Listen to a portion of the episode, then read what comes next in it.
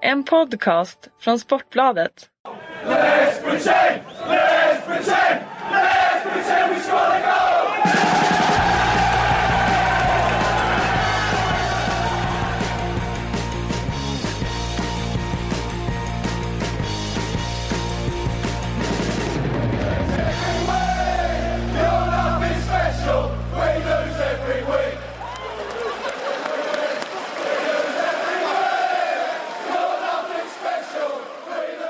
Är det torsdag och vi sitter i vårt lilla konferensrum slash eh, podcaststudio. Jag stänger av min telefon.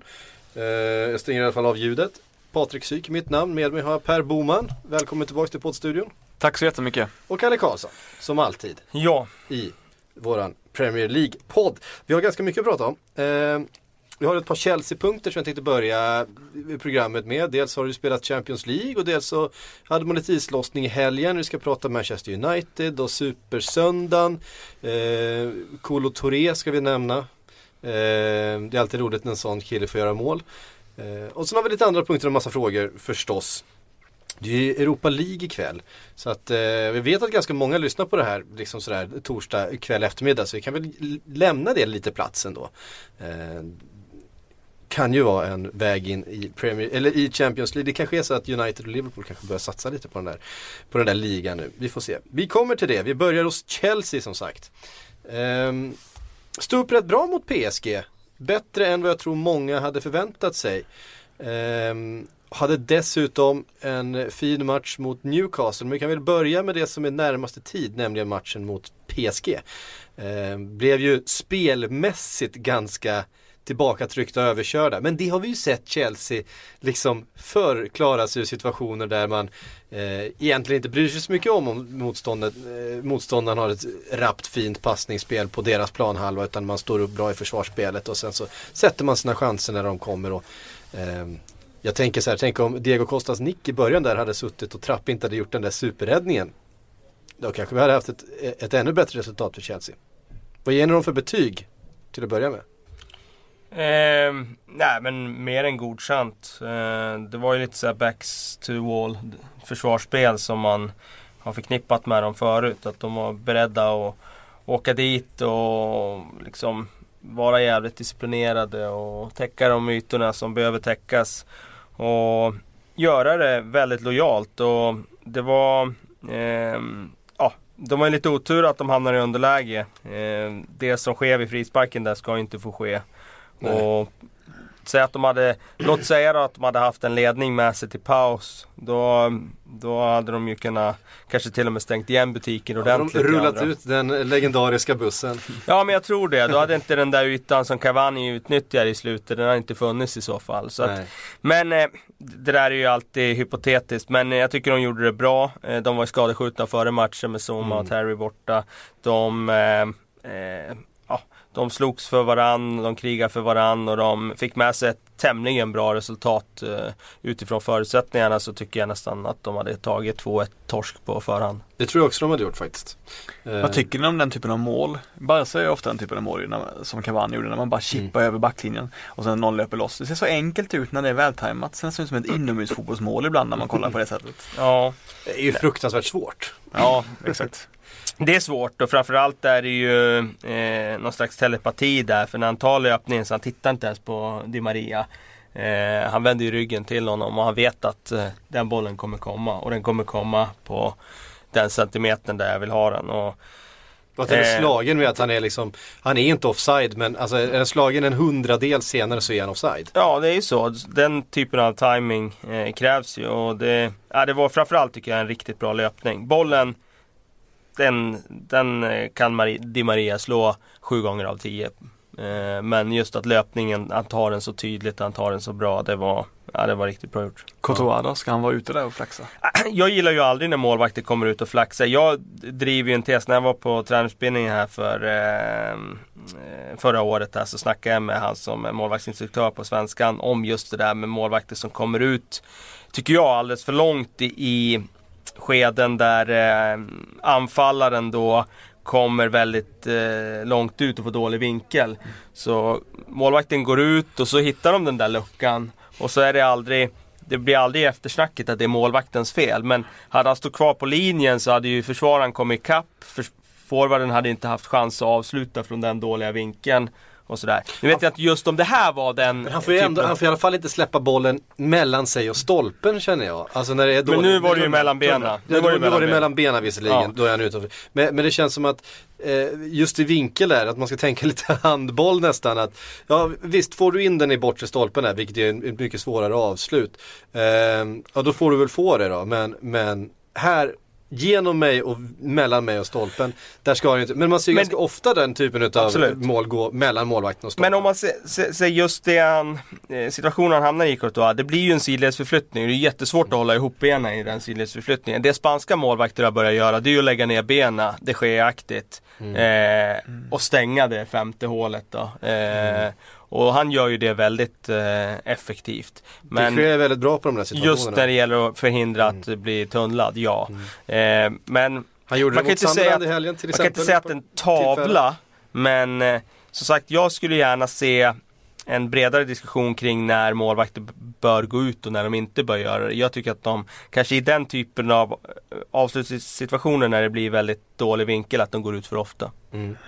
Sen Eh, vet jag också att det är så otroligt svårt att vara målvakt och bedöma när man ska gå ut. Det går på en halv hundradel ska man ta det beslutet om man ska ut eller inte och, och det är jättesvårt. Ja, och det, man kanske måste fatta det beslutet före eh, Cavani har tagit sin första touch. Man vet inte hur bra den kommer bli och, och så vidare. Det eh, ställer höga krav, så är det. Eh, Jonobi Mikel, eh, inte världens bästa insats i muren. Ja, det är otur.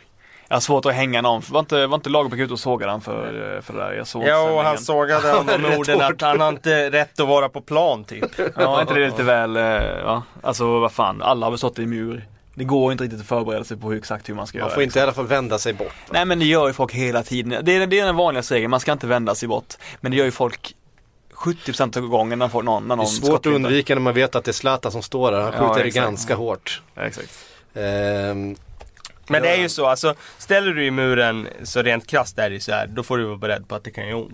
Du ska ju inte undvika att det gör ont eh, Jag i en Champions League-match för att Jag vara tycker dessutom att en spelare som Jonobi Mikel är ju en spelare som alltid är inne och tar stryk och ger stryk och Ja. känns som en jävla hårding. Men jag tror inte han är rädd för smärtan, jag tror bara att det är det är, reflexartat liksom att man, att förstås man, bara att man en gör reflex så. liksom. Men, men ehm, ja. Det finns andra spelare som jag hade liksom eh, brukar vara lite mer rädda om sig själva eh, i de där situationerna. Så man kanske inte helt enkelt ställer in mur då. Eh, av den anledningen. Eh, Eden Hazard har svårt att komma igång. Jag vet inte om ni läste Roy Keens eh, utsaga om, om Eden Hazard. Där han, han sa att om han hade fått bestämma så hade han sparkat Eden up and down the training pitch all day. Eh, och det tror jag säkert att han hade gjort. Eh, Klassisk Keen-pedagogik. Ja, det, Ja. så är det ju. det är ju det är ju så man löser problem. Man sparkar på dem. Eh, vad säger ni om Eden Hazard? Nej, Han men, har svårt att komma igång. Ja, uppenbarligen. Det har ju gått så pass lång tid så att eh, man börjar fundera på om det kanske är Roy Keane-metodiken som måste till. Ehm, jag tror det finns allt ifrån eh, den mentala blockeringen till just att eh, han känner själv att han trampar vatten och han att eh, han vet inte själv, ja det kommer vi in på sen, men han vet inte själv hur han ska ta sig ur det här. Eh, sen är det ju den aspekten som du nämner att eh, hans framtid är ju väldigt osäker. Kommer han ens vara kvar i Chelsea? Det jag skulle säga att det är väldigt, väldigt tveksamt. Eh, och det sätter nog också lite griller i huvudet på honom. Men hur likt är det inte Di Maria som Di Maria var förra året? Ja. Alltså att man saknar lysten liksom, att man är glåmig i princip och, och ser sådär, han ser liksom inte skarp ut i rörelserna längre överhuvudtaget. Ja, det är så, just Di Maria är så otroligt talande. Säsongen innan när Real vinner Champions League, han är verkligen en av världens bästa fotbollsspelare. Han är bäst på plan i, Champions, League-finalen. Eh, liksom överglänser, tycker jag, eh, till exempel Ronaldo i den matchen och Gareth Bale och så vidare. Ehm, Och så första matcherna i England, den är helt otrolig. Ja, och sen, så, och och sen så har han den säsongen med Manchester United, lämnar, kommer till PSG och nu är han sådär bra igen. Liksom, vad, vad är det som händer eh, i de där situationerna? Nej, det, den här psykologin är så otroligt intressant men det finns liksom ingen som lyckas riktigt lösa det.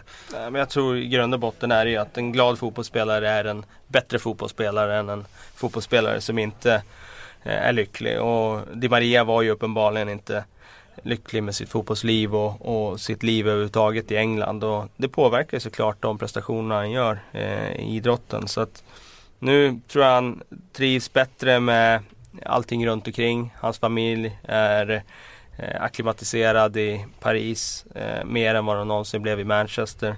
Och då tror jag att han kan hitta tillbaka till det eh, han vet att, och alla andra vet också att han kan på fotbollsplanen. Här måste man ju ifrågasätta van Gaal också, också känner jag. Eh, som kanske inte är den, den främsta psykologen. Eh, I de där, eh, vi har ju sett andra spelare den här säsongen under, underprestera ganska rejält. En, eh, Memphis Depay till exempel. Ja, det var intressant i och för sig det här med att, att man trodde ju kanske att Hazard skulle bli bättre när Mourinho försvann. Att Mm. det var de som hade något problem, som att det var där, att han var, att han var en av de som var trött på, ja men likt Fabregas, trött på, på Mourinhos Mm. eh, ledarskap. Men det verkar inte ha någonting med saken att göra. Nej, eh, nej där, sitter det, där sitter det uppenbarligen eh, hårt. Chelsea i alla fall, islossning mot Newcastle. Eh, tacksamt, 5-1. Och eh, nu börjar man väl känna igen, även om man inte känner igen Hazard så börjar man väl känna igen Chelsea nu i alla fall. Och Diego Costa fortsätter att eh, vara ett hot där framme och, och så vidare. Ja, jag tycker att han har varvat upp rätt rejält nu Mm. här senaste tiden. Och att vi svarar på någon enkät här som Boman faktiskt skickade ut här för någon vecka sedan. Och, eh, på frågan då vem som skulle bli vårens spelare så, så lanserade Diego Costa. Det känns som att han eh, ja, men bara liksom Hans kurva har pekat uppåt nu och han känns bestämd i sitt spel och han går in i dueller och inte på något dumt sätt eh, liksom att göra dumma grejer utan mer liksom Inte, kliver- ba, inte bara i alla fall. Nej precis, och han ska ju göra det för Ja. att det är ett sätt som eh, eh, liksom taggar igång honom men det är en del av hans spel. Men nu tycker jag han använder sin fysik eh, på rätt sätt och han känns som han eh, skarpare fysiskt också. Löpduellerna så, så känns det som han har bättre tillbaka i steget. Han sa ju själv att han hade slarvat med försäsongen inför den här säsongen. Det var, det, det var han ju ärlig med och det tyckte jag man såg under, eh, under hösten att det var inte samma klipp i steget. Ehm, och nu har han väl kanske kommit ikapp då. Ehm, har ju också, är ju skadebenägen förstås och är ju alltid vad säger man? Han är, de försöker ju hålla honom lite inlindad i bomull mellan matcher och sådär. Då är det klart att eh, det är svårare att eh, komma tillbaks rent fysiskt om man eh, kanske har en order att inte eh, att hålla igen lite på träningar för att inte slå upp muskelskador och sådana saker. Vi- Alltså det är ju gammal spaning att William är bäst i Chelsea just nu också. Men det, är Det har han varit hela Det säsongen. har varit hela säsongen såklart. Men det är ändå kul att det är Shakhtar William som rör sig liksom över hela planen. För när, när han kom till Chelsea var det ändå nästan ytter ett tag. Mm. Alltså lite fringe player ytter som skulle Mm. liksom Lycka. ibland, eh, ganska ibland göra. typiskt Mourinho att, att, Ja, att begränsa exakt. en spelare också kan man ju Men nu är han ju, nu är han i virvelvinden igen liksom. Ja. Det är väldigt kul att se. Det tog lite för lång tid nästan va? Eller? Alltså sanslösa kvaliteter han har. Alltså, Ja. alltså, han gör ju sällan Man kan ju sällan peka på några svagheter i hans spel. Alltså han har ju Tycker jag en enormt låg felprocent. Eh, spelar ganska enkelt för att vara den typen av kreativ spelare. Alltså han utmanar absolut men så släpper han ju ofta bollen kort och enkelt så och gör liksom de här avancerade grejerna. Så man känner ju varje lag i världen skulle ju behöva och vilja ha en William. Eh, och sen har han den där sanslösa poängfoten på fasta situationer som Ja. gör att Chelsea får x antal mål extra per säsong. Eh, verkligen. Det vi, eh, Snabb fråga bara. Finns det någon som är mer lätt i steget än William? Nej han är, han är ju Eh, fjäderlätt. Härligt, vackert. varnar vi lite för Chelsea under våren här nu då? Inte bara Diego Costa men Ja, Chelsea. samti samtidigt så är det ju det där. Jag menar, det är så många gånger den här säsongen som de har gjort en bra insats. Och sen eh, har liksom vissa sagt, Mm. ja men nu kommer vändningen. Och det har funnits 6-7 sådana tillfällen den här säsongen där man kunnat peka på, nu kommer vändningen. Men den har ju inte kommit och jag tror inte att, jag tror inte de kommer gå som tåget nu heller. Utan de kommer göra sina minor fortfarande. Mm. Det känns som att det är ett sånt, sånt år för dem. Eh, onekligen. Eh, vi tar oss från eh, lördagen då, där 5-1 matchen mot Newcastle var, till söndagen som var eh, oerhört eh, speciellt. Nej det gör vi inte alls förresten. Nu ska vi följa min kör, mitt körschema här, nu tittar jag fel. Vi har ju faktiskt eh, eh Manchester United Sunderland att diskutera också. Manchester United som ju verkligen hade behövt de där tre poängen om man skulle ha någon chans att haka på om, om eh, topp fyra platsen eller fjärdeplatsen är det väl eh, det handlar om då Manchester City som ju förlorade. Eh, men det gjorde ju Manchester United också och eh, David de Gea var nog bäst i laget trots att man förlorar med 2-1 mot Sunderland som vi har sågat så många gånger den här säsongen.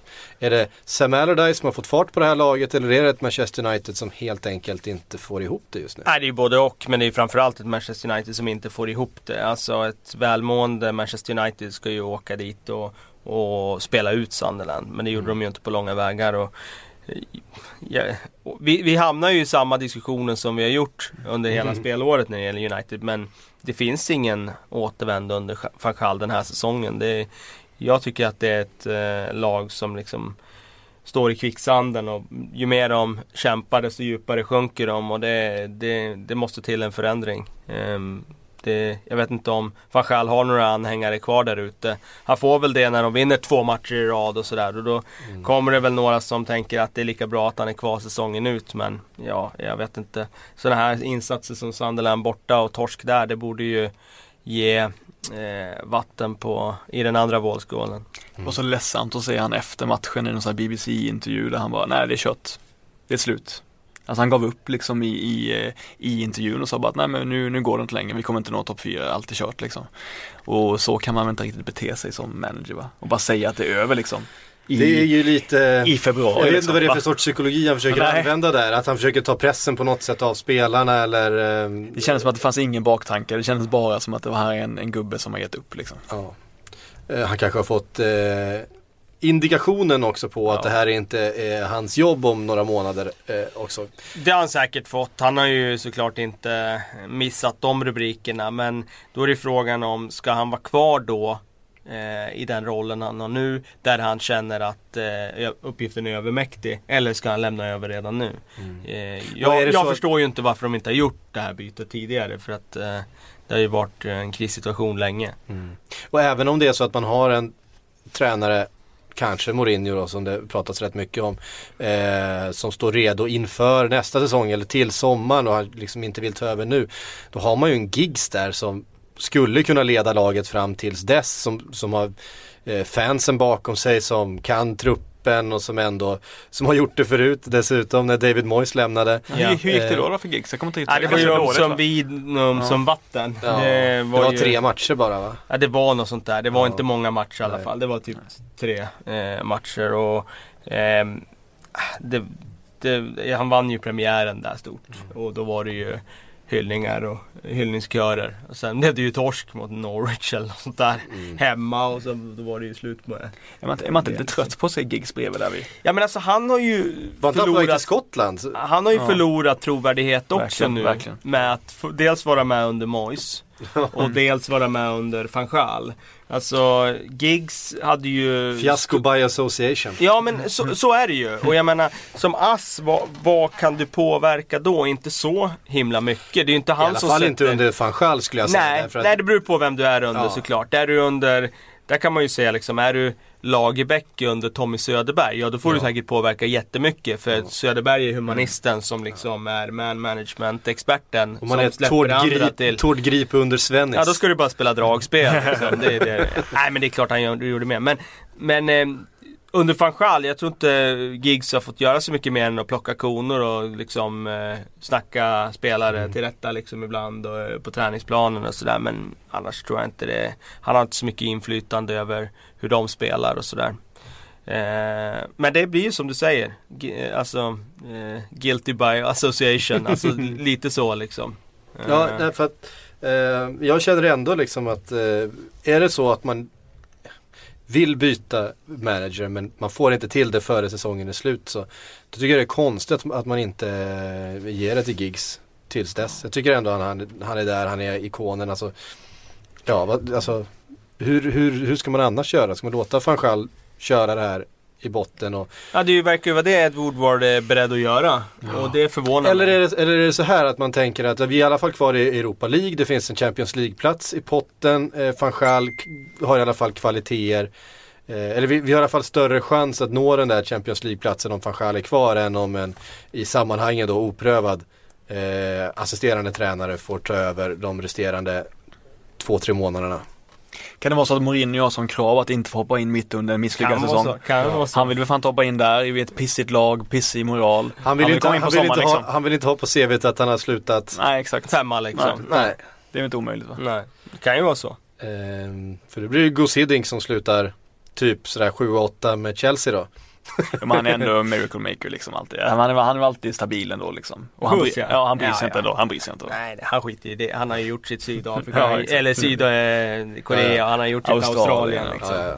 Vad var det han misslyckades med nu igen? Vilket landslag var det han misslyckades Ryssland, med? va? ja Ryssland precis före eh, Capello. Just.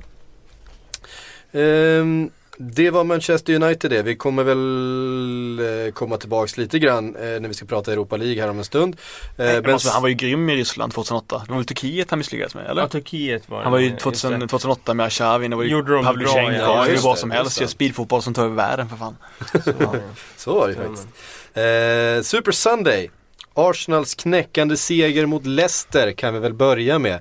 Eh, det var ju så typiskt, alltså Leicester får den där straffen och så blir det 1-0 och hela, hela fotbollsvärlden får man säga kände att ja, de, nu, nu, de kommer lösa det här också och, och, och då vinner de ligan. Men, Ja, hade de vunnit där då Ja. känd, då känns det som att ingenting hade kunnat stoppa dem. nej, Nu tycker jag ju pendeln händer- svänger. Ja, så händer det där Mm. som är så otroligt viktigt i fotboll att momentumet fick sig eh, Ja, ett, litet, lite ett litet hinder. Och det kan betyda så otroligt mycket. Och inte minst att förlora en match i, i stort sett matchens sista spark. Eller nick i det här Ja. eh, fallet då, när Danny Welbeck sätter dit den. Ehm, ska, Alltså- vi liksom, eh, ska, vi, ska vi börja med att sätta någon sorts eh, framtidsvision för Leicester här? Hur de mår och, och hur det kommer påverka dem framöver. Alltså jag tycker ju, jag hejar ju på Arsenal och var, jag tycker att Leicester var fantastiskt bra hela första halvlek. Och egentligen till Danny Simpsons utvisning. Jag menar, Arsenal gick ju på fällan gång på gång. Antingen rullar de rakt upp i Kantés press, liksom bara så här fåfänga passningar upp på Özil som han ska försöka vända om typ. Eller så här jättemärkligt. Istället för att slå långt bakom West Morgan och Hutt som ändå står ganska högt upp. Dels gjorde de det och dels så, ehm, så lät de ju, lät de ju Vardy springa in bakom dem hela tiden också. Så jag var livrädd första halvlek. Jag tycker, att, jag tycker egentligen att det var ganska Alltså jag tycker inte, många sa att det var, jag tycker inte det var helt rättvist att Arsenal vann egentligen. Jag tycker det kändes, eh, jag tycker det är så fantastiskt bra. Fram till utvisningen, Ja, ja. ja. Sen kan man ju säga att eh, Arsenal får ju till en, eh, en, en press och ett tryck som gör att Ett riktigt ändå... powerplay på slutet. Ja men det blir ju Ja. så och där skapar de ju ändå chanser som eh, vida översträcker eh, eller överväger eh, att de ska vinna matchen. Det tycker jag nog. Men eh, det, det är ju Danny Simpsons eh, eh, Alltså vad ska jag säga klumpiga agerande. Har man gult att av- kort Av alla i Leicester den här säsongen så tycker jag Danny Simpson kanske är den som är, är längst från den kvaliteten som, som krävs för att vinna ligan. Han har ju visserligen kanske gjort eh, stabila insatser men det är där man tyck, jag tycker att man har sett eh, en spelare som inte riktigt håller nivå med de andra. När många har överpresterat så, så Verkligen. Han passar ju bra i ett kollektiv och han gör inte, tidigare i alla fall, så många misstag och han är solid och liksom eh, han tar ingen plats heller och kommer på offensiva rider vilket Mm. skulle öppna dem bakåt heller. Så att han har ju fyllt en funktion i Leicester men jag håller med dig om att eh, han, du får ju inget extra av För honom. Fukt tycker jag bidrar med, Fuchs med, med eller Fuchs med, Mm. med, med väldigt mycket mer. Ja det gör han. Eh, Ehm, men han är klumpig där, han har gult kort, han ska självklart inte dra i någon om man har gult kort och där svänger det hela och från det så eh, ja, kändes det väl som att Arsenal skulle eh, ja, eh, vända det där. mm. Sen att det blir i sista sekunderna, det är klart att det blir en mental smäll för Leicester som, som känns.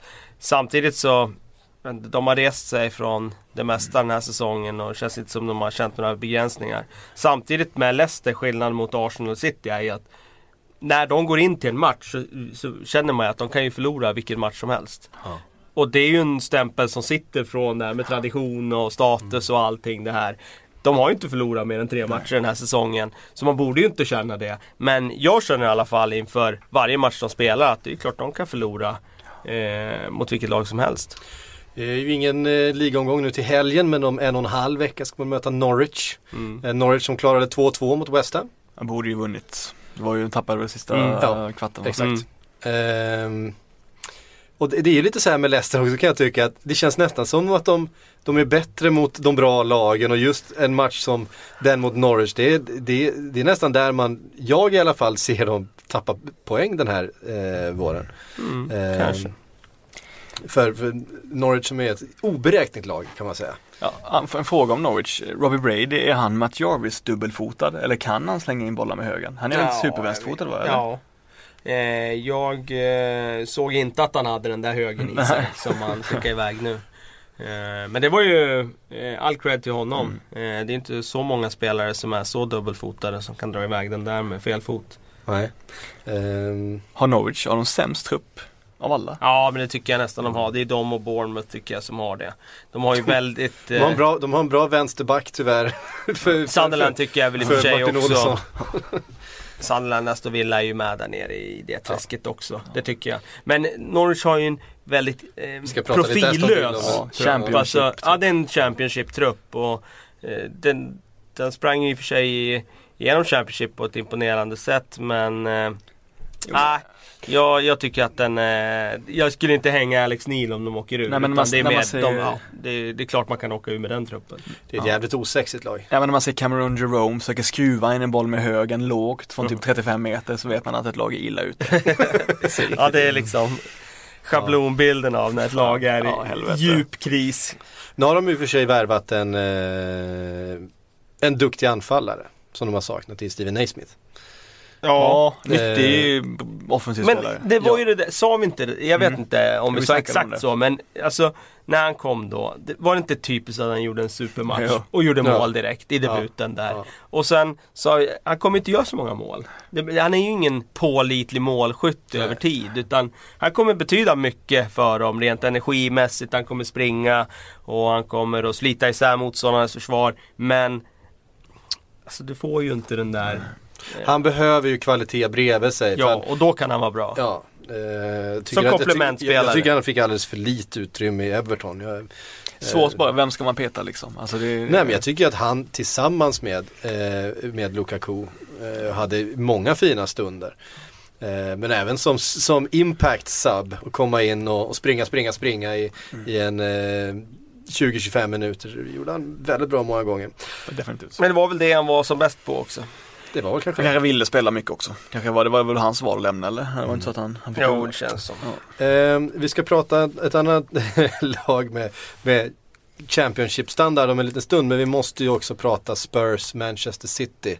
Eh, Spurs som bara blir bättre och bättre ju längre den här säsongen går och Pochettino som mer och mer framstår som Ja, alltså manager of the year, alltså det, det är liksom Ranieri, visst, Ja. men, men det är svårt att liksom, det är svårt att bortse ifrån men, men det som Pochettino har gjort med att han faktiskt har byggt det här laget på ett så oerhört imponerande sätt och med all den talangen som kommer underifrån och, och faktiskt ser ut som färdiga topp top fyra fotbollsspelare. Jag menar, Leicester har några spelare som överpresterar, de har gjort några supervärvningar men jag menar, här har vi Tottenham som, ja vad har de för nyförvärv för i år? Det är Alderweireld som, som har gjort väldigt mycket nytta förstås. Dele Ali har kommit in efter Trippier. Eh, ja, Trippier förstås, men, men jag menar, kärnan i det här laget har ju byggts upp under de senaste säsongerna väldigt mycket Pochettino. Och utveckling och Mm. det där är ju någon slags grej som man kanske bortser från för ofta. Alltså det snackas mycket om att värva och värva men Mm. utveckling det är egentligen den viktigaste delen. Och ta Eric Dyer då som kom till Tottenham från Sporting Lissabon och var lite Mm. Inför förra säsongen. Inför förra säsongen. Börja som högerback. Jag tyckte inte han såg så bekväm ut där. Han gjorde i och för sig mål i sina två Ja. första matcher då för Tottenham och blev lite kultspelare där. Men som högerback var han ju Ja man var en Danny Simpson högerback. Alltså du visste Mm. vad du fick och du fick inte mer än så. Eh, mittback tycker jag han såg bättre ut när han spelade där förra säsongen. Eh, men eh, i år då har han hittat en ny roll som defensiv mittfältare och eh, det var ju inte eh, helt klart att han skulle eh, bli liksom någon slags stjärna i den rollen. Men han har ju dels blivit en otroligt bra bollvinnare men också blivit eh, klart mycket bättre i sin användning av bollen. Alltså spelar väldigt enkelt, blivit den där balanserande spelaren som gett eh, laget en trygghet man inte haft tidigare. Nej. Ehm, Moussa Dembele, det är ju en annan som Ja. jag menar, han såg ju jättespännande ut när han eh, omskolades i Fulham från anfallare ner till central mittfältare. Men han hittade ju aldrig riktigt den formen i Tottenham efter flytten. Men i år har ju han Alltså varvat upp till en nivå där han är en av de bästa centrala mittfältarna i Premier League. Han Där- är där en har enorm styrka. Där har man ju alltid sett kvaliteten men han har ju alltid liksom tagit, han har ju dribblat tre spelare som spelat tillbaks till backlinjen. Hela Eh, tiden. he, hela tiden Ja. och man, är, man har ju liksom känt att kan han bara slå den där passningen framåt när han nu har skapat den här fina ytan åt sig själv. Eh, så kommer han ju vara en superspelare och det är ju det man har börjat se nu. Lamela, eh, det är ju en annan som eh, Herregud vad vi sågade Lamela. Ja, med all rätt också. Men eh, jag menar, där har vi ju också fått se en utveckling. Eh, vi har ju Delali som såklart är säsongens utropstecken. Stjärnskott som eh, har gått från vara talang till att bli en eh, riktigt stor stjärna i den här ligan. Så det är många spelare som verkligen har tagit kliv. Jag måste säga, jag är imponerad av Tottenhams ytterbackar. Danny Rose och Kyle, Kyle Walker, för de har ju aldrig varit pålitliga tidigare. Det har varit upp och det har varit ner och det har varit mer ner än upp. Men eh, tycker jag att de eh, också känns eh, ja, väldigt stabila nu. Eh, Till och med Ben Davis var fin hemma mot Watford också. Verkligen, verkligen. Så att, eh, ja, de har en bra trupp nu Mm. Tottenham. Och det kan komma in spelare från bänken som Lamela och, och göra matchvinnande aktioner. Eh, så att, ja, Och det, som är så det är välmålande det på många så, sätt. Det som är så imponerande är ju också bredden. För jag menar Ryan Mason och Bentaleb som var så otroligt bra förra De var ju säsongen. första val De var ju första val. ja. De, de, eh, Platsar inte nu. nej. Men Eh, Och jag menar ta Jan Vertongen, han blev ju skadad och då var det ju många som undrade, kommer Tottenham rasa nu? När Kevin Wimmer kommer in och Ja. han gjorde en jättefin insats eh, nu mot City. Eh, tycker jag var väldigt säker och gör det han ska liksom. Och så dessutom eh, med den ringa erfarenheten han har från Premier League. Men han gjorde debut i, i ligan här i januari. Och bara gå in så mot City och, och spela så bra. Det, det känns som att eh, Tottenham är inne i det här flytet där allting bara stämmer.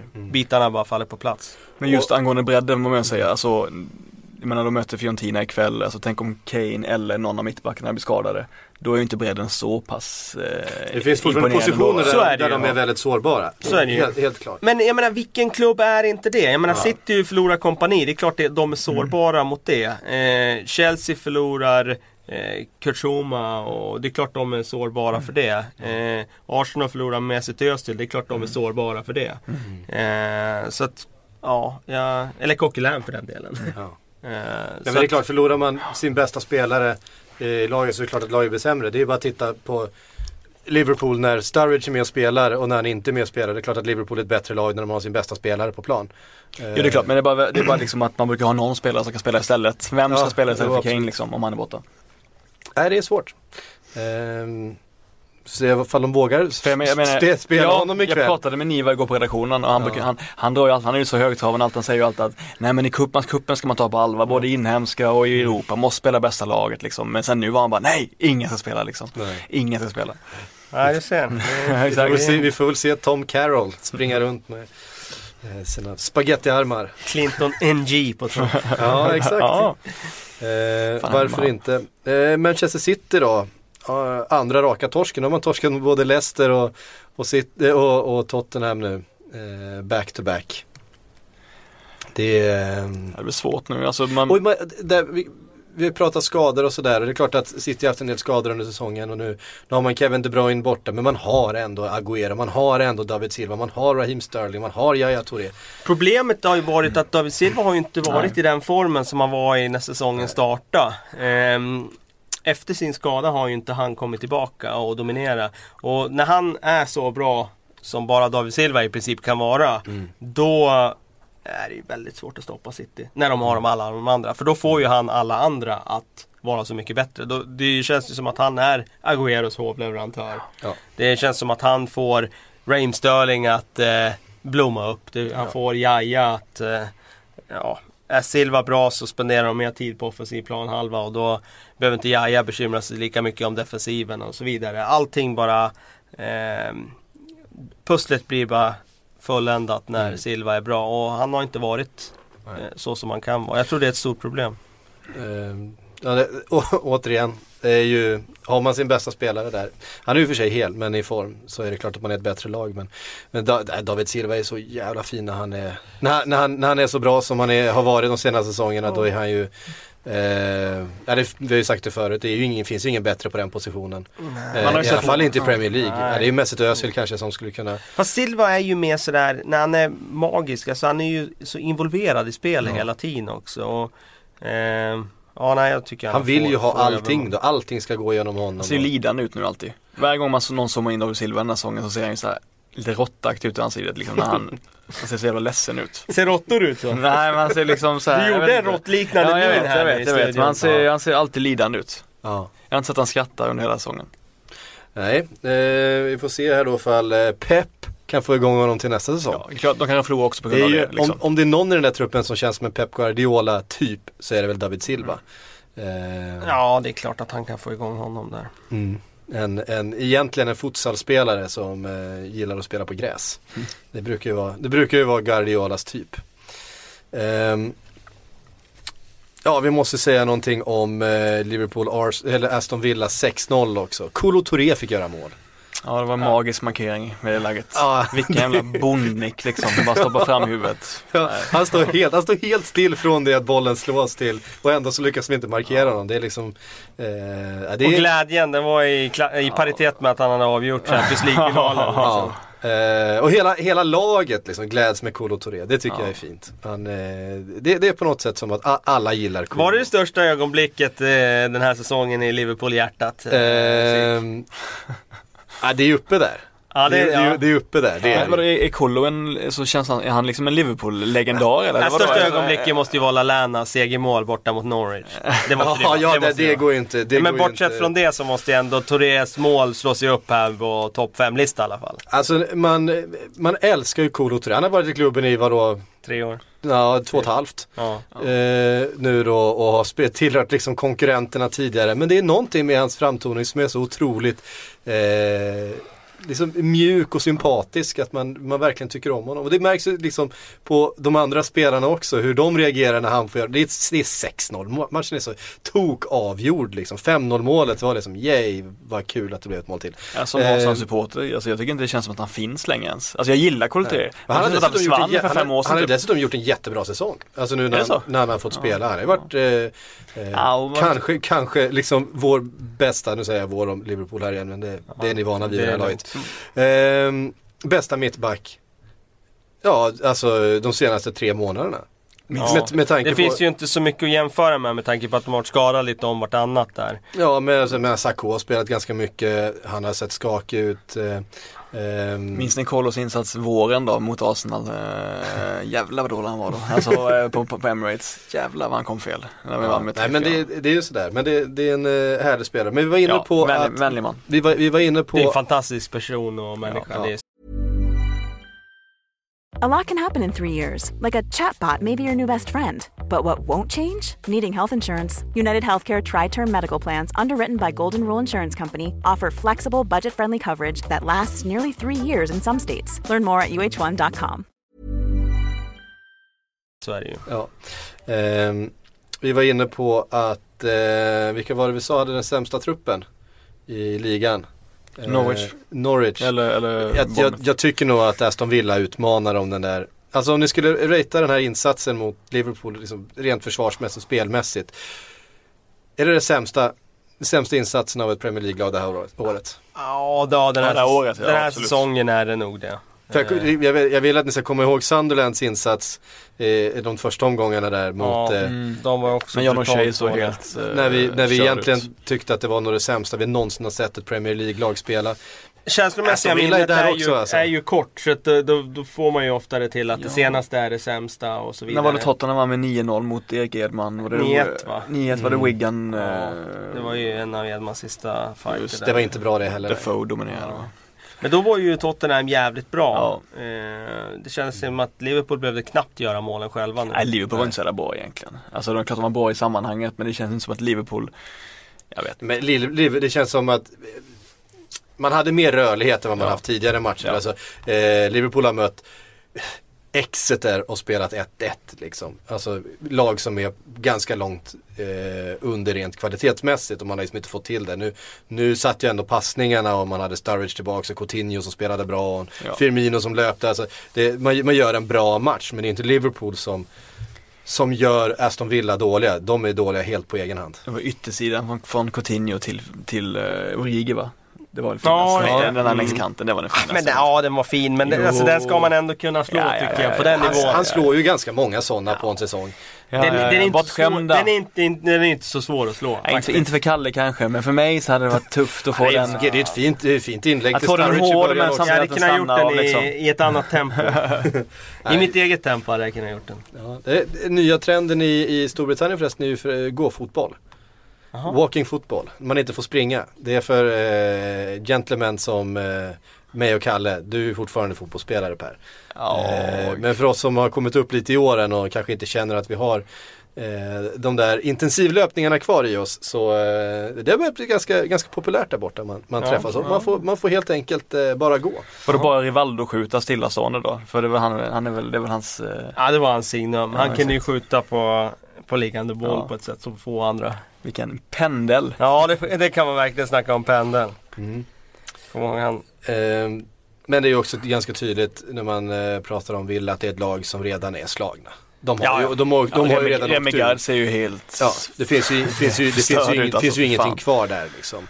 Eh, och det är liksom det som Jamie Carragher var inne på i analysen efteråt.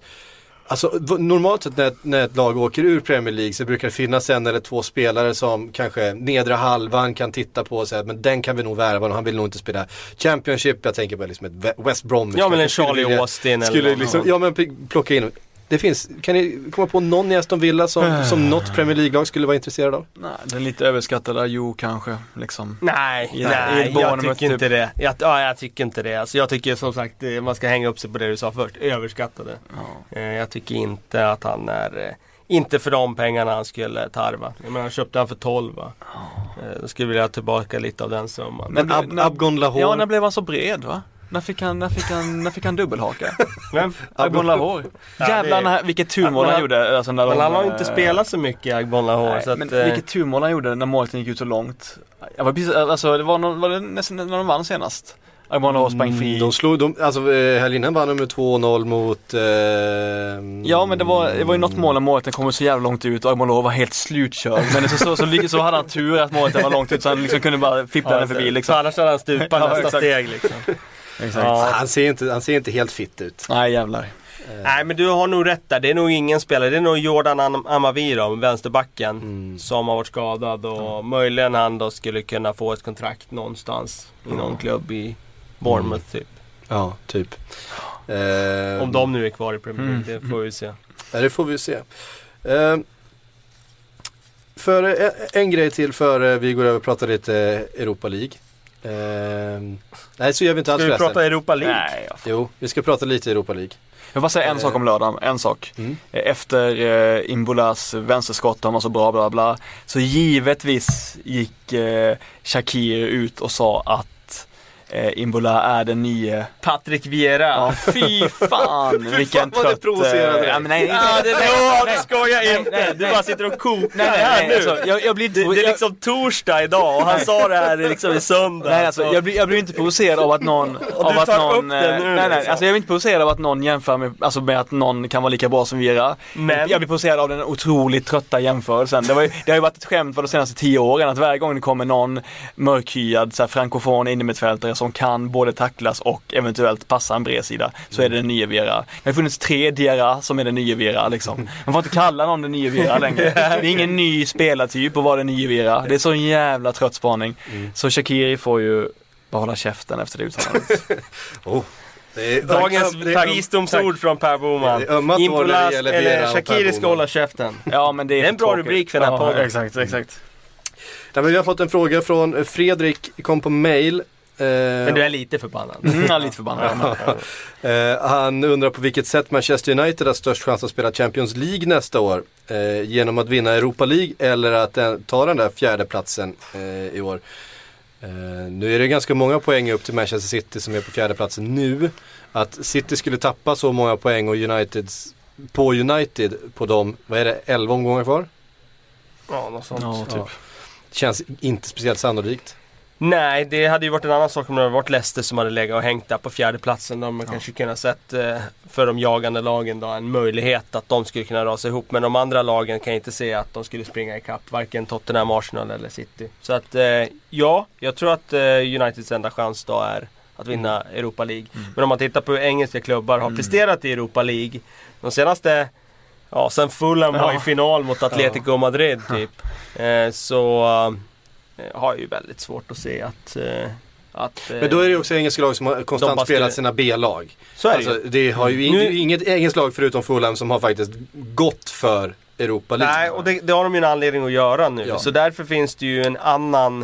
eh, Det finns ju ett incitament i år för dem att spela det allra bästa laget och verkligen satsa på Europa League och inte rotera bort några spelare utan verkligen vi ska gå hela vägen. Och det är klart att, klart att de har möjlighet att Ja, och att glömma att Chelsea vägen. väl, gick väl ganska hårt för Europa League. Ja, de vann Ja, ju de Europa League. Ja, det, det är sant. Ja, ja. det, det, Men då hade det- de ju Benitez, en cuptränare som eh, liksom gick... Visst, det, det, är liksom, det, är hans, det är hans arv, han är cuptränare. Eh, Ja, han är ju uppenbarligen inte ligatränare i alla fall. Eftersom han, visst, han har vunnit någon ligatitel eh, förut i sin, sina dagar. Med Valencia. Liksom. Valencia vann han ju faktiskt eh, ligan va? Ja, jag tror Var det Benitez som gjorde det eller var det Ja, det Hector Cooper? Nej, men Hector. Cooper gjorde ja. väl också det, Ja, exakt. Men, ehm, ehm, men eh, jag menar, väl- om man tittar på hur han misslyckades i Real Madrid så kan man inte kalla han för eh, att han var speciellt bra i ligan där heller. Nej, Nej han, han lyckas ju eh, ha två stycken Champions League-finaler var han vinna. En med Liverpool men bara en andra plats som bäst i ligan. Ja, Ehm, det är inte heller bra. nej. Nej, eh, men det var inte det vi skulle prata om. Utan eh, det jag var inne på att det finns två engelska lag som är i samma situation här. Både Liverpool och Manchester United eh, har ju Europa League som sin, vad ska man säga, sitt halmstrå. Fatta För, en final mellan Liverpool ja. och Manchester United om den Champions och det, League-plats. det är dit jag vill komma. Det är, det är, det är ju en dröm. Eller hur? Det är ju, det är ju den ultimata. Alltså även, det är kul när mindre lag gör bra och liksom blaha blaha. Ja, jag men alltså en, en Europa League-final mellan Liverpool och Manchester United hade ju höjt den ligan. Den hade ju höjt, alltså det, det är ju en match som är lika, Ja. alltså nästan lika stor som en Champions League-final i sådana fall. Bara för intresset som skulle vara. Eh, Jag vill ha Liverpool Alaves, eller vilka var det de vann mot Uefa-cupen? Eh, Ja, 2001, eh, ja. Exakt. Ja. 5-4 eller vad Ja, fy fan. Trippen!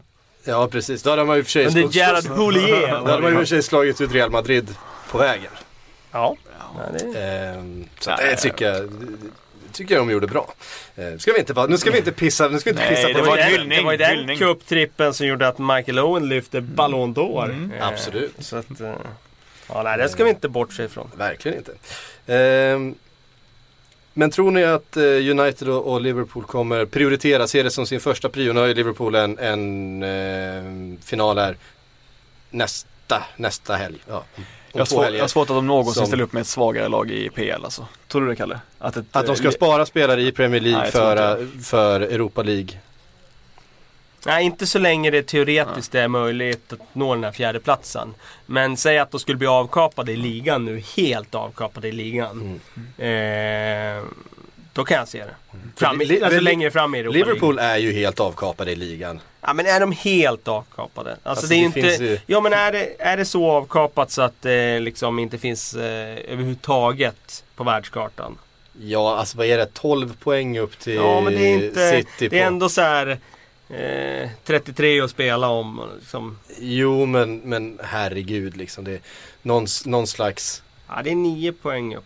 Det är 9 poäng upp nu. Ja just det, Nej, för de inte förlorade. säga så här, Nej, eh, jag skulle inte säga att det är dött. Nej. Men är Ja, det väl inte- helt dött, Ja. då, då kan jag absolut se att de roterar bort så att de prioriterar Europa League senare i den turneringen. Eh, det var det. Vi har en liten eh, detalj till innan vi eh, ska gå över på frågor och det var ju det att Zlatan efter matchen mot Chelsea själv sökte upp den engelska pressen.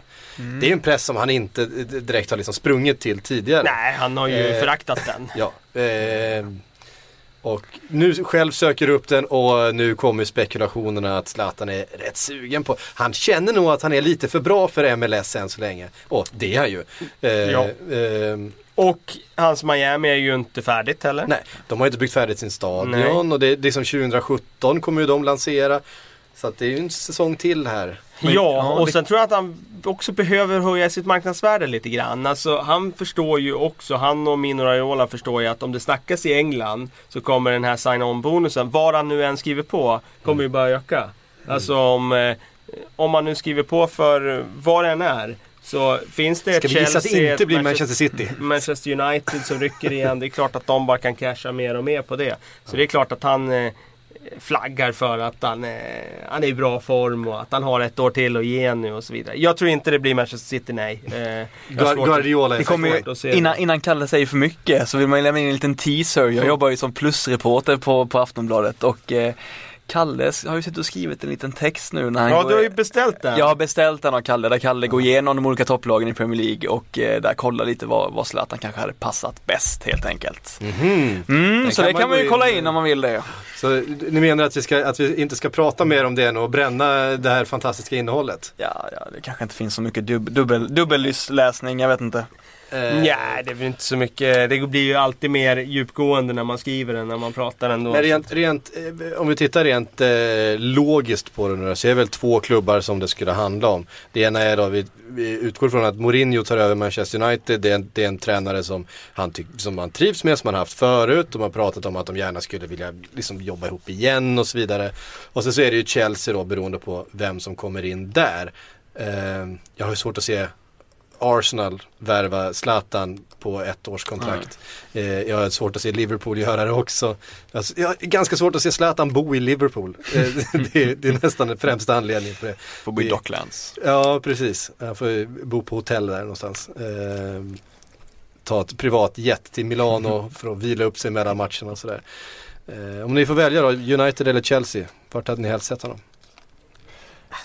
Det är egentligen hugget som stucket. Ja. Jag tycker att det vore skithäftigt om man kom till England överhuvudtaget. Mm. Eh, även om de skulle gå till Stoke så skulle jag tycka det var hur Det är det- det är det Stoke ska eller göra. Bournemouth. Mm. Sunny Bournemouth. Eh, där skulle han ju ha lite eh, bättre väder jämfört med nordöstra England. Men eh, alltså om man tittar på det laget som just nu skulle behöva honom mest så är det ju Manchester United. Mm. Som eh, upplever en enorm kris och dessutom känns väldigt tunna framåt. Martial har ju dessutom anpassat sig till en kantroll och gör det väldigt, väldigt bra. Så att eh, jag tror att det finns en lucka att fylla där framme. Eh, då öppnar vi för det helt enkelt. Eh, då börjar vi eh, svara på lite frågor tycker jag. Vi har fått en från Claes Johansson på eh, Facebook som undrar vem tycker ni skulle passa bäst som Chelsea-tränare baserat på eh, trupp, utlåningar, spelsystem, Abramovic, Lynne och så vidare?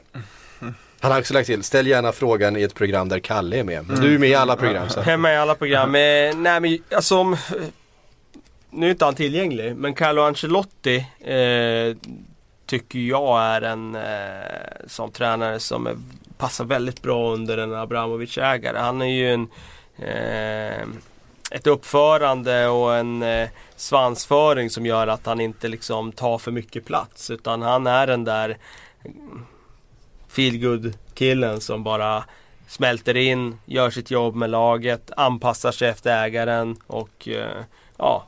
Så, så att Carlo Ancelotti, nu har ju han varit i Chelsea, han är klar för Bayern München och eh, han kommer inte bli aktuell den här sommaren. Så att eh, av de som är tillgängliga, det är klart att en, eh, en Diego Simeone tror jag absolut skulle kunna vara väldigt bra i Chelsea. Mm. Eh, också ett namn som det ryktas ganska mycket om just nu. Förstås. Eh, Maxi, Ja, ju- Max Allegri är ju ett annat intressant namn Mm. utifrån att han har ett bra resultat i både Milan och Juventus nu och eh, jag tror, inte, jag tror att han är lite samma andas barn när det gäller just att jobba under eh, Mm. Udda ägare. Största begravningsbyrå, eh, au- entreprenörs-auran någonsin. Ja, inte det har han. Men eh, ja, ja, ja, eh, Allegri kan jag också se i Chelsea. Ja. De har ju avverkat alla stora tränarna. Eh, u- Förutom Pep Guardiola eh, i stort sett. Så att det är klart att eh, De har, avverkat alla, eller... de har avverkat alla stora tränarna och Aaron Grant. Ja, precis. Ehm, vad gör Abraham Grant då? Är han i Israel Ja, det någonstans? känns som att han borde vara i Israel va? Sitter på Sitter någon i- lyxjakt någonstans. exakt. Nej men, det, Dricker trä, men han tränar inte han något med- israeliskt lag? Nej, det eller han rätt, till och med israeliska, israeliska landslaget? Dök han upp? Jag Samma som läste något Ben-Haim. om nyligen. Ja det är liksom han och Benayoun som satte den israeliska fotbollen på världskartan där under ett par säsonger. Fan vad Benayoun var bra när han var i Arsenal. Vilken skön rollspelare. Han kom in och gjorde ett viktigt, viktigt Han jobb. är ju han är ju förbundskapten för Ghana. Jaha. Bara en sån sak. Du hyllade väl Benayoun vid- ibland, ganska ofta? Ah, Ja, men han gick in och styrde upp det, är Bosse Arsenal P, våren. det är Bosse P som brukar hylla Benayoun. Nej, jag tycker att han var ett proffs. ja. Ett proffs när han var Arsenal. Ja. Nej men han var jättebra för Liverpool också. Gjorde några viktiga mål. Ja. Eh, inte minst, han hade förmåga att höja sig. Det ska man inte underskatta. Gick vi den, från, eh, eh, från tränarfrågan i Chelsea till Joe Bena- Benayoun nu. Exakt, Benayoun. Det, det är så det funkar. Ehm, Harre undrar hur kommer Premier League att påverkas om nuvarande topp 4 blir Champions League-lag nästa eh, säsong? Tottenham och Leicester har ju betydligt mindre dragkraft än Chelsea och Manchester United. Ja, det är klart att det ritar ju om kartan lite grann. Men jag tror det ritar om kartan mer på det sättet att det är två ytterligare klubbar som kan locka med Champions League-fotboll. Eh, det är fortfarande fyra såklart. Men Manchester United och Chelsea har ju pengarna och auran och kommer ändå kunna locka med drömmen om Champions League på ett sätt som Och Tottenham och Leicester. Kommer du hit så kommer du få spela Champions League. Ja, alltså det är det de kan sälja in. Leicester kan ju aldrig göra det om de inte spelar i Champions League. Vilket de förmodligen kommer göra nästa säsong. Så det är ju en unik eh, situation för dem. Så att jag tror att det är liksom sex lag i princip i Premier League som kan locka med drömmen om Champions Mm. League. Och det kommer förändra Eh, såklart hur värvnings eh, konkurrensen ser ut. Och eh, det blir ju otroligt intressant att se för att murarna upp mot topp 4 har ju varit så pass höga. Så att, Man ska komma ihåg att ett, ett Leicester har ju ganska gott om pengar. Ja, så är det I. I en internationell jämförelse har de ju massor med pengar. Det är klart att de inte har samma omsättning som ett Manchester United eller ett, ett Arsenal eller ett Chelsea. Men eh, jämför dem med eh, toppklubbarna i Spanien och Italien och Tyskland så har de ju massor med pengar. De har mycket pengar. Precis som alla Premier League-lag har mycket Ja. pengar. Eh, så är det ju. Thomas Engqvist undrar, finns det hopp för Newcastle om de klarar sig kvar i högsta? Vad ska åtgärdas? Dålig scouting? Ashley? Vem bär skulden? Och nu är inte Fredrik här. Så att nu kan vi liksom, nu, nu kan vi prata om eh, Newcastle utan att eh, spilla så mycket känslor in i det. Ja, det var ingen liten fråga. Nej, det var en ganska stor fråga. Dra den igen så jag liksom får hur många frågetecken det var i Ja, frågan. eh, ett, vad ska åtgärdas? Två, dålig scouting. Tre, Ma- eh, Mike Ashley. Eh, fyra, vem bär skulden? Ska vi ta det bakifrån då? Vem bär skulden? Eh, Mike Ashley. Och sen så har vi, då har vi klarat av de två Ja sista. exakt. Ledande fråga kan man säga Ja, att det var. det eh, är klart att allting bottnar ju i någonting och i Mm. Newcastle bottnar det såklart i Mike Ashley och hans sätt att leda klubben. Ehm, vad ska göras? Ja, jag tror att mycket skulle ehm, Mycket hänger på ägarfrågan. För att göra revolution i den klubben så skulle de behöva få bort honom. Men han pytsar ju in pengarna nu. Så är det. Ja. De, de, värvar ju, de värvar ju mer än någon annan. Så är det. Men de värvar ju inget bra. Ja det vet vi inte än i och för sig, eh, 100% väl. Att det är Alltså dåligt. det är ju sommarens värv. Hur mycket Nej betalar men menar de de, ja, men de som kom nu i vinter menar jag. Nej det är sant. Men hur mycket betalar de för Tovan som de Ja, liksom super- kasserade och skickade tillbaks till Ja, Marseille? Graham Carr ju, hade ju väldigt fint renommé där när han eh, sonderade den franska marknaden och hittade fynd efter fynd där. Eh, men det känns som att de har lite att jobba på nu när det gäller scoutingen. Ganska många som letar på den franska marknaden Nu är det ju med det. också. Nu är det ju Ja. det. Men just då när han gjorde Ja. det och plockade Hatten Benar från Johan Cabay och sådär. Då kändes det som att just där och då Ja. så var många att titta mot Spanien. För Spanien var liksom eh, referensramen Ja. i europeisk fotboll då. Och då vill man alla ha sin David Silva istället. Mm. Så just då kändes det som att man var lite ensamma på banan. Wenger är ju alltid där och Mm. blickar lite såklart. Men eh, Han har ju alltid haft förtur också eftersom eh, Arsenal har varit det liksom det, Premier League-laget som alla har hållit på i Frankrike, som alla pratat om liksom tack vare eh, Arsène. Så eh, han har det känns som att han har haft liksom första king på alla franska talanger. Eh, som man har velat ha. Mm. Men eh, så kanske det inte är längre. Nu är det kanske Newcastle alla vill till. Eller inte. Ehm, var det ett svar på frågan? Bättre scouting? Nej men jag tror, nej det är Mike Ashley alltså. eh, jag- Jag tror att du behöver komma till bukt där med den Mm. personen för att få en översyn över hela organisationen kring Newcastle. Det skulle behövas rensas och, och Manager? göra nytt. Ja alltså, han är en bra Du brukar ju försvara honom. Jag menar, jag det är en eh, klassisk, eh, eh, vad ska jag säga, instruktörstränare. Bra på träningsplanen men eh, han kanske inte är riktigt så modern eh, idag. Det, att- det är, vad heter det, ehm, spelbolagen i England sänkte ju oddset väldigt mycket på att Brendan Rodgers tar över Newcastle ja. eh, nu i veckan. Eh, om man nu ska göra nyheter på sänkta odds. Ja, det kan man göra bero på- det kan ju bero på många olika saker. Eh, men så var det i alla fall. Ja. Eh, det kanske vore ett eh, bättre steg eh, för Newcastle i sådana fall. Sen om de har nu vet man ju inte alls vad Brennan Rodgers står för längre eftersom han bytte filosofi eh, lika ofta som han bytte, bytte kallingar när han, spelade, eller när han eh, tränade Liverpool. Men han kanske kan gå tillbaks till det han gjorde för Swansea till exempel. Eh, och scouta på den li, lite lägre nivån men, men scouta mer roll och, och bygga någonting. Eh, så Han fick väl tid på sig i Swansea va? Fick väl lång tid på sig. Eh, Får man den tiden i, i Newcastle? Det är en bra fråga. Har man liksom råd att misslyckas där? ja, det beror på Utan vad sparka, misslyckas är. Eh, vad är misslyckande nu i Newcastle? Det är ju att åka ur. Ja. Så länge du inte åker ur så skulle jag inte se det som en... Ja, då kanske du får tid. Mm. För att de är ju så pass, de har ju under så pass lång tid nu eh, varit en bit från toppen. Är Newcastle det svenska laget som har mest, sven- eller det engelska laget som har mest svenska supportrar utöver topplagen? Eh, West Ham skulle jag säga. Ja, det, Är det det, så? det, det är ganska jämnt där tror jag mellan Ja. rätt många klubbar. Mm. Faktiskt. Eh, men West Ham har ganska stort svenskt följe. Lagerbäck är på Wolverhampton, där har vi dem också. Ja. ja men du har ju de här eh, gamgubbarna som håller på Wolves och Ja. eh, är ehm, West Brom. QPR. West Brom. Mm. Eh, Nottingham Forest kanske. Så Finns det, kanske där det, också. det, det kanske folk inte gör när de mötte Malmö i Europa League. Eller eh, eh, Europa League, Europa? Europacupfinalen. Europa League redan då alltså. Ja, före sin tid.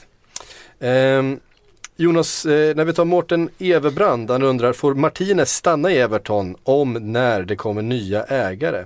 Vem skulle vara aktuell att ta över?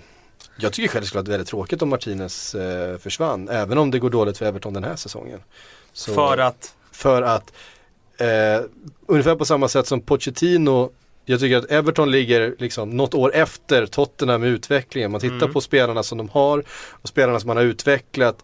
Eh, kurvan på Lukaku, kurvan, kurvan på eh, Barkley, på John Stones, eh, på Deulofeu och så vidare. Så tycker jag att eh, Martinez har något ganska spännande på gång framöver. Och jag tycker att det vore väldigt eh, sorgligt om man var så kortsiktig så att man kände att ja men har man gjort en dåliga resultat trots att man har sett ganska bra ut. Eh, det känns inte speciellt Everton att vara kortsiktig heller utan eh, det är en av de finaste sakerna med den föreningen att man faktiskt har haft tålamod och, och eh, inte minst sen David Moyes och alla hans år där. Vad säger ni? Jag håller med om att, eh, att, att Everton ofta ser bra ut men... Mm. eh, Men nu förlorar de i helgen man saknar lite, mot- man saknar lite, man saknar faktiskt lite, lite Alltså kontinuerliga prestationer över en längre period. Jag menar Mm. de skulle ju nästan varit, man trodde ju att de skulle utmana om Champions League-platser nästan för två år sedan liksom. Mm. Och nu gör de fortfarande inte det. Man, i höstas ett tag trodde ju man ju Ja, att exakt, skulle men det blir ju igen. inte så. Det, Det var ju blir- väldigt ja. mycket snack om Everton då. Exakt, men det blir ju inte så. Så att jag menar, det är klart att eh, någonstans så, så, eh, så är ju inte Martinez, eh, han, är, han, är, jag tycker, han verkar vara en jättebra tränare, han verkar vara en fin kille, han har säkert en superrolig Wigan-filosofi, alltså det är säkert fantastiskt och allting. Men de gör ju inte alltid så bra resultat som de borde kanske göra sett till vilka spelare de har. Jag tror definitivt det kan komma in en ny tränare om det kommer nya ägare. Eh, då utesluter jag ingenting. Eh, det kan ju vara eh, så att de kommer och vill ha ett statement från, en, eh, från ett stort namn. Eh, det är inte alls omöjligt. Så att eh, ja, eh, det är nog mycket möjligt att han får gå då. Mm. Eh, Jonas Paulsson skriver, ge mig en 30-årspresent och svara på min fråga. Så det får vi väl göra. Ja, det måste vi. Grattis, Grattis, på 30, grattis, 30-årsdagen. Jonas. Eh, unge man. Ranka era chanser på nuvarande topp 4 att vinna ligan. Eh, ja, det, det har vi gjort ganska mycket. Vi tror väl eh, Nej, att vinna ligan i och för sig. Ja. Procentuellt då, ska vi ta, ska vi ta en i taget då? Ja. liksom? Ja. Han har en fråga till där nämligen som jag tänkte vi skulle ge lite. ja, vi börjar med Leicester då, för de leder väl ligan. Ja, Jag måste ju räkna ut liksom hur många de ska få av 100%. Ja, Men, eh, precis. Ja, men jag säger 25%. 20%. Ja, precis. Då är vi ungefär samma, Mm. lika där då. Du säger 25, jag säger 20. jag, jag håller mig neutral. Du håller med? Ja, okej, du är programledare. Ja, Jag är programledare. ja okej. Ja, nästa lag är ni då. som är experter. Arsenal 2. Nej, Tottenham 2. Tottenham 2. Tottenham 2. Eh, 25%. 25%. Jag säger lite mer på Tottenham. Så Mm. jag säger 25 eller 30 till och med där. Ja, fan nu känner jag att jag, har gett för mycket till något av lagen alltså. Ja. Eh, Jag, jag går ner på 20 på Leicester och 20 på Tottenham. Mhm. Jag, ja, jag går ner på 10 på Leicester och 20 på Tottenham. 10 på, 10 på Leicester, 20 på Tottenham. Ja. Ja, ja, okej. Eh, Arsenal. Eh, ja, där vill jag upp i 40. Ja, samma här. 40. Mm. Hur, många, hur många har vi kvar då? Barn jag, har som kan 20, jag har räkna? 20 kvar på City. Då har vi, då har vi 30, 30% kvar. De hamnar väl på City då? Ja, då blir det ju på City. Ja. Och nu ligger ju City en bit efter. Men samtidigt har ju den här säsongen varit så eh, oförutsägbar så att det kan ju bli nya twist and turns. Men eh, som sagt, ja där någonstans skulle jag kanske ha det. Men när jag ändå tänker efter nu då med läget i tabell och City och sådär så kanske det är så att Tottenham ska ha 30 och City ska ha 20 istället. Bara. Ja. Eh, han har en, en, en annan fråga också och eftersom han fyller 30 så får han med sig två då. Eh, hur skulle en 11 blandat med mitt Arsenal och eh, Pia Karlssons, som jag tror jag har kallat för Pia någon gång i, i podden, Pia eh, Karlssons Tottenham se ut enligt er? Det är roligt. Sätta ihop en eh, 11 mellan Arsenal och Tottenham då. Check i mål. Ja, det blir det. Mm. Hector Bellerin i högerback. Ja, det är av liksom, och det är inte för att han är superbra utan för att det, Ja men han är bra. det är väl sämst konkurrens på den positionen nästan i det här gemensamma laget. Kanske. Eller? Men eh, sen blir det ju Alderfereld och Koscielny centralt Ja. och det blir ju Nacho Monreal Ja, till definitivt, vänster. definitivt. Eh, det blir på sittande mittfält blir det ju Dembele Ja. och så ska vi ju ha en defensiv mittfältare där och det är ju Det Det är är 4-2-3 Alli. 4-2-3 vi kör. eller? Ja det tycker jag. Det tycker jag. Är det- det, Ja, ing, ja, alltså, är det Dele Alli ja Casola var ju bra innan han var skadad. Liksom. Ja precis Sådär. men, eh, här och in, med, in, med, in med Delle då. Ja, då har vi ju ingen uttalad riktigt defensiv mittfältare där. Nej. Men vi tar ändå Dele Alli och Moussa Dembele. Ö- Özil på offensiv inne. Ja, jag fri offensiv. Ja, ja, det, Ja. blir det, ju. det blir det ju. Sen är det ju högerflanken där, för det blir ju i alla fall Alexis Sanchez till vänster. Ja. Det är svårt att komma runt. Även om han inte har gjort någon kanonsäsong nu så blir det ju han. Eriksen till höger. Ja, fast han är ingen. Är Kalle är jävligt noga med att rätt man på rätt position på den här typen av grejer. Absolut. Ja, jag tycker inte man ska hålla på och... Varför, varför, vem finns det till höger då? Jag vet inte riktigt. Lamela? Ja, det, är känns ju deppigt att han Aaron Ramsey kanske. Ja, Aaron han får spela- han Ramsey spelar blir det Ramsey, Ja, det blir ju där. Det blir där. Det är lite mindre deppigt kanske. Ja. Och sen på topp blir det ju Harry Kane. Ja, jag tycker ja. han är eh, strået vassare än Giroud. Hur många är det var då? då? Ja, backlinjen var bara en, en Spurs-spelare så vi hade Ja. målvakt från Arsenal så det var det, det, det 4-1 då. Sen hade vi Ali, är två stycken, då Dembele. det 4-3 och sen så centralt då så har vi Rams. Tre Arsenal-spelare var det där. Mm. Ja, och sen Tottenham sju- längst fram. Ja, 7-4, ja det låter väl rimligt va? Ja. Sett styrkeförhållanden. så är det. Ehm, Så är det, vi slog fast det där i sten nu. Så är det. ja, helt klart. Jag tror man kan dividera i all evighet kring om Coquelin och Cazorla ska in där på Ja. mitten, såklart. Ja. Men eh, så är det. Man får släppa några. Man får släppa några. Hörrni, tack för att ni eh, kom hit idag. Eh, Tack själv. per och Kalle. Tack. Eh, kära lyssnare, vi hörs om en vecka igen. Sköt om er!